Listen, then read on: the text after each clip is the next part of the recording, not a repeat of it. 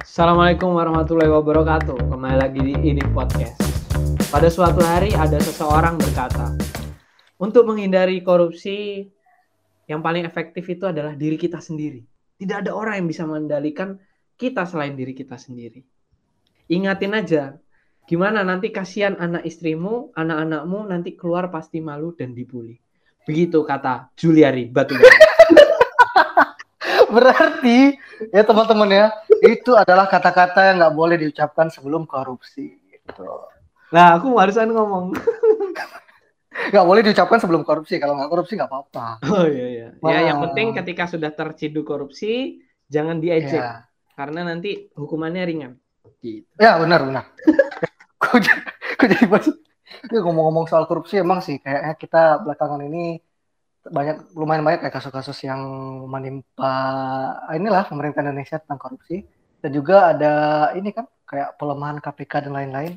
Cuman cuman cuman di Ya. episode kali ini kita nggak akan bahas negara yang sedang bagus ini. Ya karena kalau Indonesia kan korupsi udah nggak ada san. Kayak Iya sih Kita- ya. eh, dana bansos saja udah terpenuhi semua orang menikmati Oh, kayak gitu. Betul. ah. Itu eh, maksudnya kita udah sejahtera di sini, woi. Masa Iya, ngomongin iya. Indonesia? Ah, benar. Nah, kayak kita hmm, ini sih, wah kayak sesuatu yang nggak perlu di kita bahas lagi lah gitu karena iya. udah banyak yang bahas gitu. Kalau kita bahas juga ntar ini kebanyakan yang bahas. Ah, benar benar. Jadi- Iya, kita nggak perlu bahas yang gede-gede negara. Mm-mm. Kita bahas sektor desa dulu aja. Betul. Kita bahas satu sektor desa, nih satu desa yang sebenarnya Hmm. ah Dapat ini itu- ya penghargaan Adiwiyata ya? Enggak ya? ah, sempat sempat dapat penghargaan Adiwita Dari Ah, siapa? ah, ah. Dari camat ini. dari dari ini. Jadi ada persatuan para KG itu. Jadi desa yang ingin kita bahas adalah salah satu desa terbersih ya yang ada di salah satu dunia ini perfilman gitu.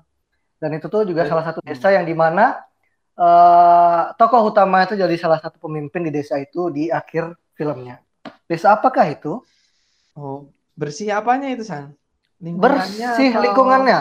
Oh. Tapi kalau pemerintahannya Oh, ya itu mau masih mau kita ulik sekarang. Aku belum lihat Konoha ada sampah berserakan sih emang. Iya itu makanya. Karena yang bikin manganya bikinnya bersih. Males gambar sampah aja sih. Heeh, benar benar. Oh, oke. itu loh, Apa? Desa apa itu, San? Yang kita bahas sekarang adalah desa Konohagakure, tempat Naruto dan teman-temannya eh, lahir dan tinggal. Konohagakure bukannya anaknya Naruto. Eh, Kui Boruto, Cuk. Yang anak kecil itu? Eh, Itu Konohamaru. Sorry, sorry. Sorry, sorry. Nggak nonton Naruto ya. Oke, oke. Nggak apa-apa, Ya, tapi tapi ah. ini jadi hal yang menarik nih. Karena Benar. kemarin eh, belum lama ini pas ngobrol sama Isan, Isan itu eh, sempat kayak bertanya-tanya kayak ada sesuatu yang janggal selama ini dan orang-orang nggak sadar. Iya. Soalnya aku udah ngikutin Naruto tuh juga nggak nggak nggak mencoba menindak. Menindak, gitu ya. Komisi Pemberantasan Konoha. Masa satu desa di nah, Oh iya, enggak, enggak, enggak, enggak. Enggak, itu tuh karena aku tuh dulu dari dulu tuh udah ngikutin Naruto dari SD dong. SD kelas 5 kan. Jadi aku itu baru sadar kasus ini tuh sekitar eh, setahunan yang lalu lah. Itu aku udah Hmm. mulai riset-riset sih. Tapi kenapa kok bisa kayak gini gitu. Ternyata sampai di kesimpulan ya bahwa memang ada satu kasus yang janggal di sana. Hmm. Itu itu Mungkin waktu kita ya? sistemnya di sini mungkin tanya jawab aja ya. Mungkin kamu mau bertanya sesuatu yang mungkin kamu bingungkan Dina. Karena- jadi aku bakal menjawab. Ya, karena karena ini basicnya kan aku nggak nonton Naruto juga ya. Betul. Nonton tapi waktu di Global TV ya. yang diulang-ulang. Jadi jadi misalnya aku minggu ini nonton ujian Chunin, minggu depan ujian Chunin lagi. Gak ada Iya, iya, bedanya. iya. Nggak Iya, nggak iya, maju-maju gitu. Benar, benar, benar. Nah, memang memang kalau di sana itu kepala desa panggilannya Hokage ya.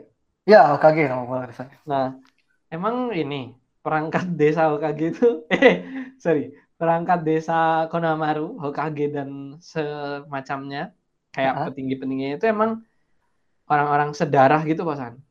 Ah, iya, iya, bisa dibilang kayak gitu. Jadi, Asem. itu apa bedanya sama desa-desa Apa? di sini? oh, desa-desa di sini, iya, iya. Jujur, ah, Hokage pertama dong, dengan Hokage ke satu, dua, tiga, empat, Hokage kelima itu ada hubungan darah. Coba apa bedanya sama desa di sini? Iya. Misalnya Iya, ada. anak ada hubungan darah.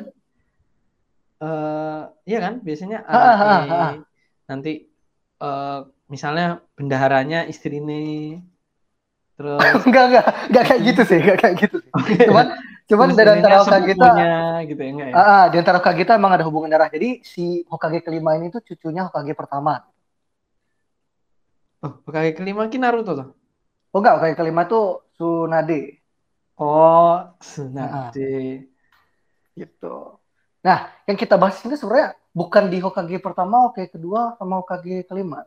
Cuma kejanggalan di sini tuh ada di saat Naruto masih kecil. Itu di saat pemerintahan Hokage ketiga.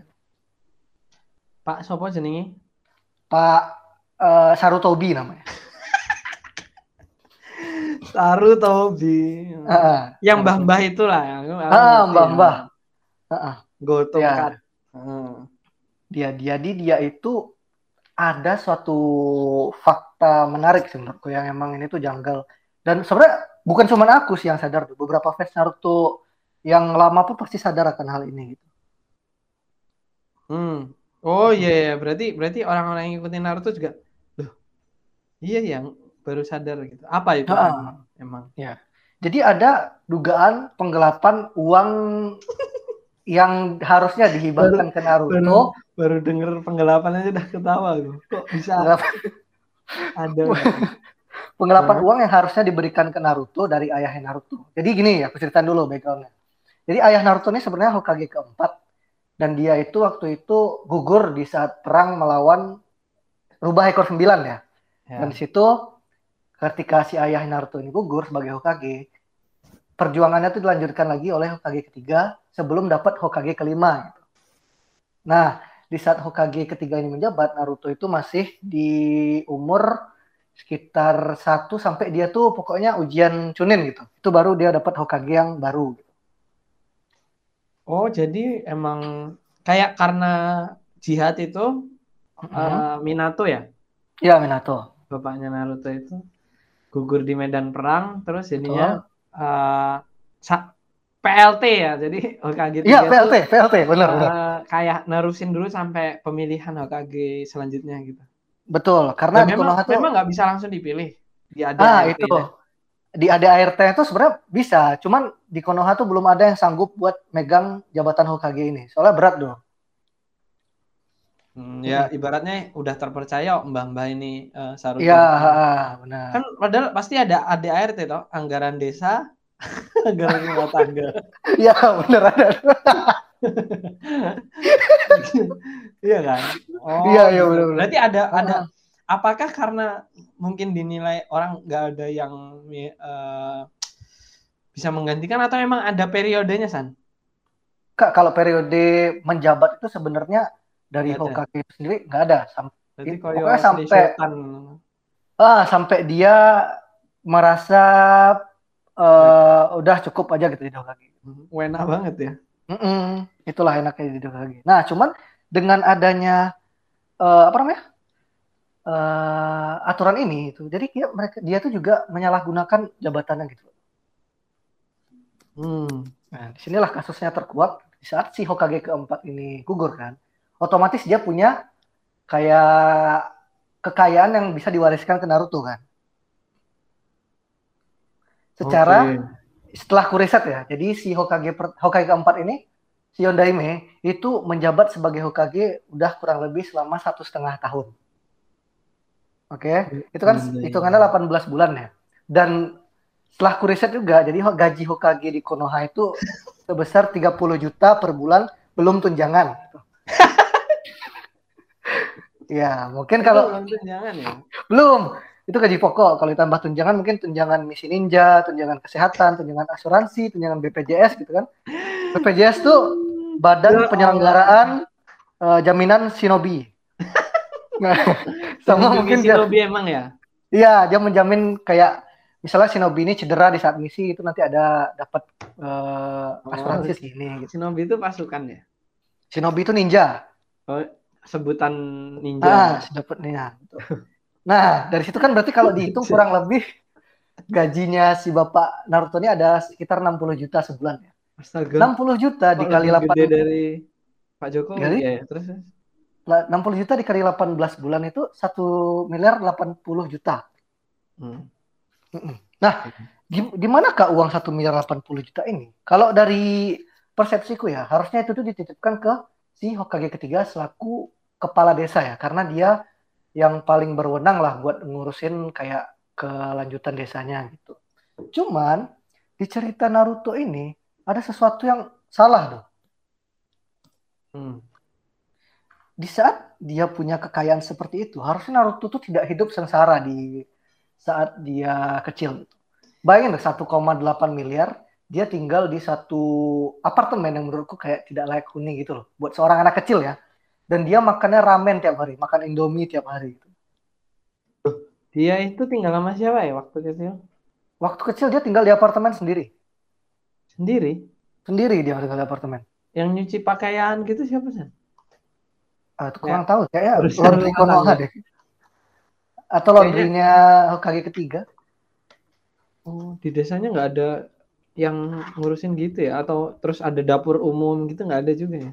Nggak ada, mereka masak ya sendiri. Nah, kenapa Naruto tuh juga nggak ada yang ngurusin? Karena dia tuh kan ini doh, dia tuh dulu ditakutin orang-orang desa karena dia dititipin ini Jinchuriki, namanya tuh kayak monster. Bapaknya ya? Ah, ah, itu. Jadi orang-orang desa takut karena dia sama dia gitu. Jadi nggak ada. Takutnya Nah, harusnya kan Meledak gitu. bukan ya takutnya dia nanti kayak emosi meledak terus kan bisa ngamuk lagi si ekor sembilannya. Nah, si Hokage ketiga ini tuh juga tidak kayak tidak mengurusi Naruto ini, dia tuh lepas tangan gitu. Mm-mm. Masa nggak nggak kontak-kontakan atau apa gitu waktu dulu? Di filmnya tuh pernah sih sekali doang gitu. Aku lihatnya mereka tuh kayak ngobrol berdua gitu. Saat Naruto tuh lagi keluar sendiri dari rumahnya, terus kayak ini ini, ini ya udah akhirnya ketemu sama Hokage ketiga. Cuman nggak ada gitu dia ngasih duit atau apa gitu. Oh, masa sih? Berarti dia emang sibuk apa sih kepala desa? Nggak tahu ya. Ngurusin Naruto gitu. Nah, terus si Hokage ketiga ini dia itu eh, mungkin ya mungkin ya ini kan kita berpositif thinking juga ya sama dia mungkin kan nggak semua Iya. yang aku bilang ini. Asas asas praduga tak bersalah. ya. Ah, ah. mungkin beberapa biaya itu dilariin ke misalnya sewa apartemennya mungkin sewa laundry Naruto terus kayak eh, biaya sekolah SPP terus kayak biaya Seragam. seragam gitu kan mungkin masuk ke sana gitu Karena ya. ada putih merah bro, putih biru. Seragam Shinobi kan ada ininya apa yang kayak jepit kepalanya gitu loh. Kan bayar itu. Terus kayak senjata-senjatanya kunai dan lain-lain itu Oh, kan bayar. Ya. Tuh. itu mungkin menurutku di sana. Cuman secara tidak langsung itu sebenarnya tidak masuk akal di sat- 1,8 Murah banget. Itu mana ada 1,08 miliar itu habis Iya. dari sana. gitu. Nah, dugaan korupsi itu sebenarnya diangkatnya dari sini. tuh.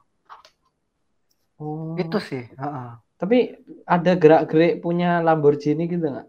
Ah, si Hokage ketiga ini sebenarnya kalau dari gerak-geriknya enggak ya. Cuman mungkin ya karena Hokage ketiga ini matinya dulu tidak eh, baik. Maksudnya di saat perang dunia, eh bukan perang dunia itu tuh waktu ujian Chunin tuh ada Orochimaru yang ngebunuh si Hokage ketiga. Jadi dia dapat azab dibunuh muridnya sendiri akhirnya. Karena dia menyelewengkan uang kan. Terus mungkin karena uangnya ini belum dipakai dan masih ada di kantor Hokage, akhirnya uangnya ini dipakai sama Hokage kelima. Tuh. Dipakai. Ya, Hokage kelima ini Tsunade. Tsunade itu punya kebiasaan buruk tuh. Yang Hokage kelima. Nah, Apa? Hokage kelima ini suka judi tuh. Oh judi. Karo udut-udut Ah. kayak Sama minum minuman keras gitu. Ya, minum sake gitu. Cewek Ah. lagi padahal. Benar. Aku itu ini suatu sangkaan lagi ya, aku nggak tahu ya. Mungkin kan karena uang di brankas eh, kantor Hokage itu dipakai buat judi sama Judi. si Hokage kelima gitu. Jadi kayak jadinya Naruto tidak dapat bagian yang harusnya dia dapatkan. Gitu sih. Hmm. Secara garis besar itu. Sebenarnya ini tuh kayak hal kecil gitu loh. Cuma kalau diangkat lagi ke sini, ada kemiripan yang bisa kita ambil dengan desa-desa yang ada di dekat sini. Gitu. Si, si... Tapi kan kita nggak tahu kalau bendaharanya siapa, bendahara UKG, sekretaris UKG kan. nggak Kalau tahu. sekretarisnya ada, sekretarisnya ada. Oh, ada ya? Sekretarisnya ada, ada. Kalau kaki ke, kalau kaki kelima ada ya, kalau kaki ketiga enggak tahu. Oh. Gitu. Itu OKG ketiga matinya sama siapa, San? Ah, kaki ketiga itu matinya sama Orochimaru. Orochimaru ya? Orochimaru Orochimaru itu muridnya dia? Ya, heeh. Kok Jadi orang, menurutku itu kayak orang itu. jahat-jahat sih? Padahal udah di ini. karena Hokage ketiga itu nah itu do Hokage ketiga itu sebenarnya banyak juga sih kesalahannya pertama dia juga ngebiarkan muridnya yang salah arah gitu do tapi dia nggak berusaha buat narik dia kembali buat ke arah yang benar gitu sampai akhirnya dia akhirnya celaka sama muridnya yang salah arah ini gitu Jadi ada yang bilang itu uh, karma gitu. iya bisa bisa jadi karma jadi di saat dia melakukan hal buruk ya udah hal buruk bakal terjadi juga ke dia gitu Menarik juga ya. Tapi emang Iya. kalau kalau ada korupsi gitu siapa yang bisa nindak, San? Nggak ada dong. Nah itu kekurangannya ada RT-nya Konoha itu belum ada suatu lembaga independen yang ngurusin masalah kesalahan si Hokage ini gitu. Jadi Hokage itu emang punya hak penuh gitu. Mau dia salah, mau dia Oke. berlaku apa pun, itu ya paling keras warganya yang harus demo ke mereka. Emang pernah demo di OKG? Ada. Selama ini per eh hmm, nggak ada sih nggak ada sih belum ada. Omnibus itu kemarin? Oh, nggak ada. Beda ya. Beda ya. Iya iya. Iya. Tapi Nggak memang ada sejauh ini nggak ada sih eh, apa Hokage yang ditangkap karena korupsi mah nggak ada, San. Iya itu karena juga nggak ada yang bisa nangkap polisi Konoha itu ditugaskan untuk menangkap kejahatan yang sifatnya eh, Kriminal. menimbulkan kerusuhan ya kriminal gitu. Kalau buat korupsi dan lain-lain itu belum ada. Jadi itu. Kalau saranku ya buat Naruto ya sebagai bukan Kan udah nggak ada. apa? Kan udah nggak ada kok saranmu buat Naruto. gitu. Oh Naruto nggak ada. Loh, aku nggak tahu. Bukannya Ah ada, ada masih ada dia. Saranku masih ya ada? buat buat siapa pun lah atau buat Naruto. Oh, berarti di Boruto ada ya? Iya dia di Boruto. Oh iya. Buat- buat mereka yang masih menjabat jadi Hokage sekarang tolong tolong banget gitu kalau uang yang harusnya bukan punya kalian tuh janganlah dipakai buat hal yang menurut kalian tuh tidak sepatutnya dilakukan gitu kalau emang hak orang ya kasih buat orang atau mungkin orangnya buat ngehibahin ke kamu ya buat warga Konoha lah dipakai bareng-bareng gitu. Takutnya nggak berkah juga ya warga. iya bener Heeh. Ke- maksud ke buat ke- untuk Oh. keberlangsungan desa juga nggak apa-apa gitu Ya Allah, aku baru nggak. Berarti jangan selama ini Konoha nggak apa sering terancam keberadaannya karena sering menyelewengkan itu.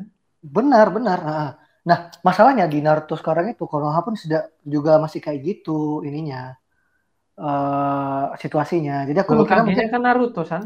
ya kemungkinan emang Naruto nggak bisa jahat tuh. Kita kan nggak tahu manusia tuh. Emang siapa yang ditinggal orang tuanya? Nggak ada. Iya maksudku siapa tahu duit duit desa ini korupsi. Oh iya benar. Misalnya bansos misalnya. anggaran anggaran apa eh, plang gitu ya, plang sama Ya, tong ah. sampah. anggaran bansos, terus anggaran apa namanya? buat Itu mahasiswa KKN. kuliah kuliah kerja ninja. Ya gitu sih ya sebenarnya ini nih kenapa aku bahas ini doh karena ya aku pengen juga gitu. Ini tuh juga nggak cuma didengar oleh eh, mungkin warga Konoha bisa dengar ini ya buat teman-teman Hmm. juga. Terus buat orang-orang yang mungkin ada di sektor pemerintahan juga.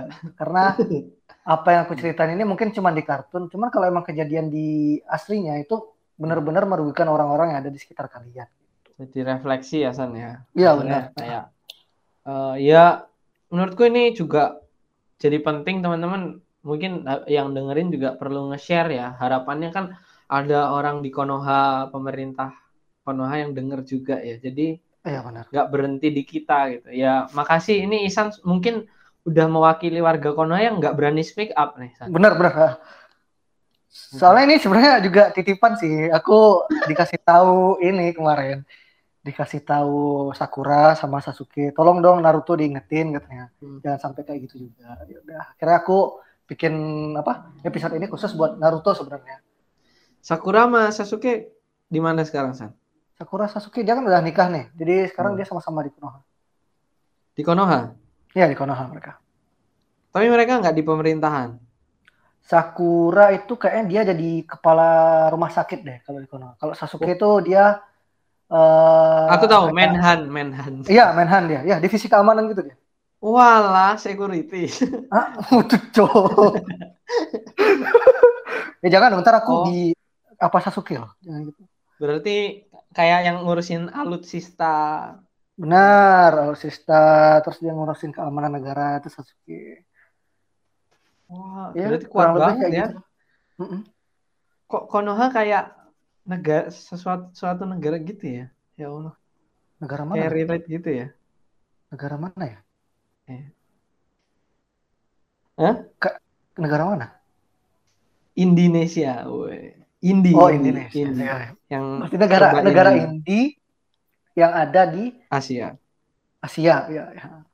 Ada, anaknya Ada. Indi, nggak ada air putih, adanya kopi. Terus nggak nggak ada matahari terbit, matahari terbenam Senja. terus. Senja terus. Senja terus itu. Kiamat berarti kan, kalau dari barat terus Senja terus gak kering-kering cuy ini. jemuran. Jemurannya. Nah. Oke. ya sih dok, oke, kurang oke. lebih kayak gitu sih dok. Ya semoga udah bisa tersampaikan ya poin-poin yang penting Ah. tadi. Eh, harapannya ya jadi refleksi atau ada tindak lanjutnya lebih ah, eh, ini lagi ya. Kita cuma menyampaikan karena kita bukan warga Konoha, langsung KTP-nya kita, aku Sleman, Aku Padang, aku Padang gitu. Jadi, jadi Padang gitu. Jadi nah, nggak bisa langsung kita yang nyampein ke warga Konoha, tapi ya aspirasi ini sebenarnya dari warga Konoha untuk warga Konoha oleh warga Konoha. ya, ya sam- sesama warga desa lah, maksudnya Iya di benar. desanya masing-masing gitu. Ya, siap. Ini Oke, lumayan San, panjang ya kita uh, bahas Konoha ya. Lumayan.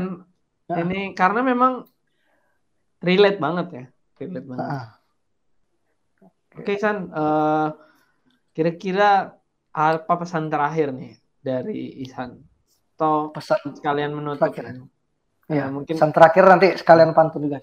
Pesan Oh, iya. terakhirnya ya udah yang penting intinya aku berharap ini ini bukan pelajaran buat Konoha dong ya, mungkin mungkin buat desa-desa lain kayak Sunagakure eh, dan yang lainnya itu semoga ini Hmm. bisa di apa namanya diterapkan juga buat Gara mungkin Implementasikan, Gara ya. sebagai sebagai KZKG tolong Naruto-nya juga diingetin gitu sebagai pemimpin negara bersama-sama kan Ya. ya sih menurutku itu sih dan oke. buat penutup aku bakal pantun ya Hmm.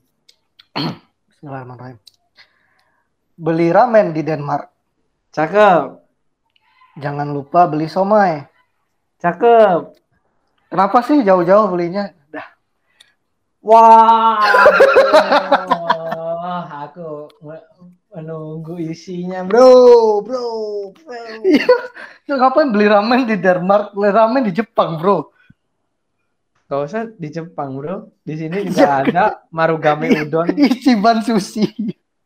Ichiban, eh, apa yang yang di Jalan Monjali itu apa gitu. Ichiban ya Iya, ramen ramen yang lain juga ada banyak.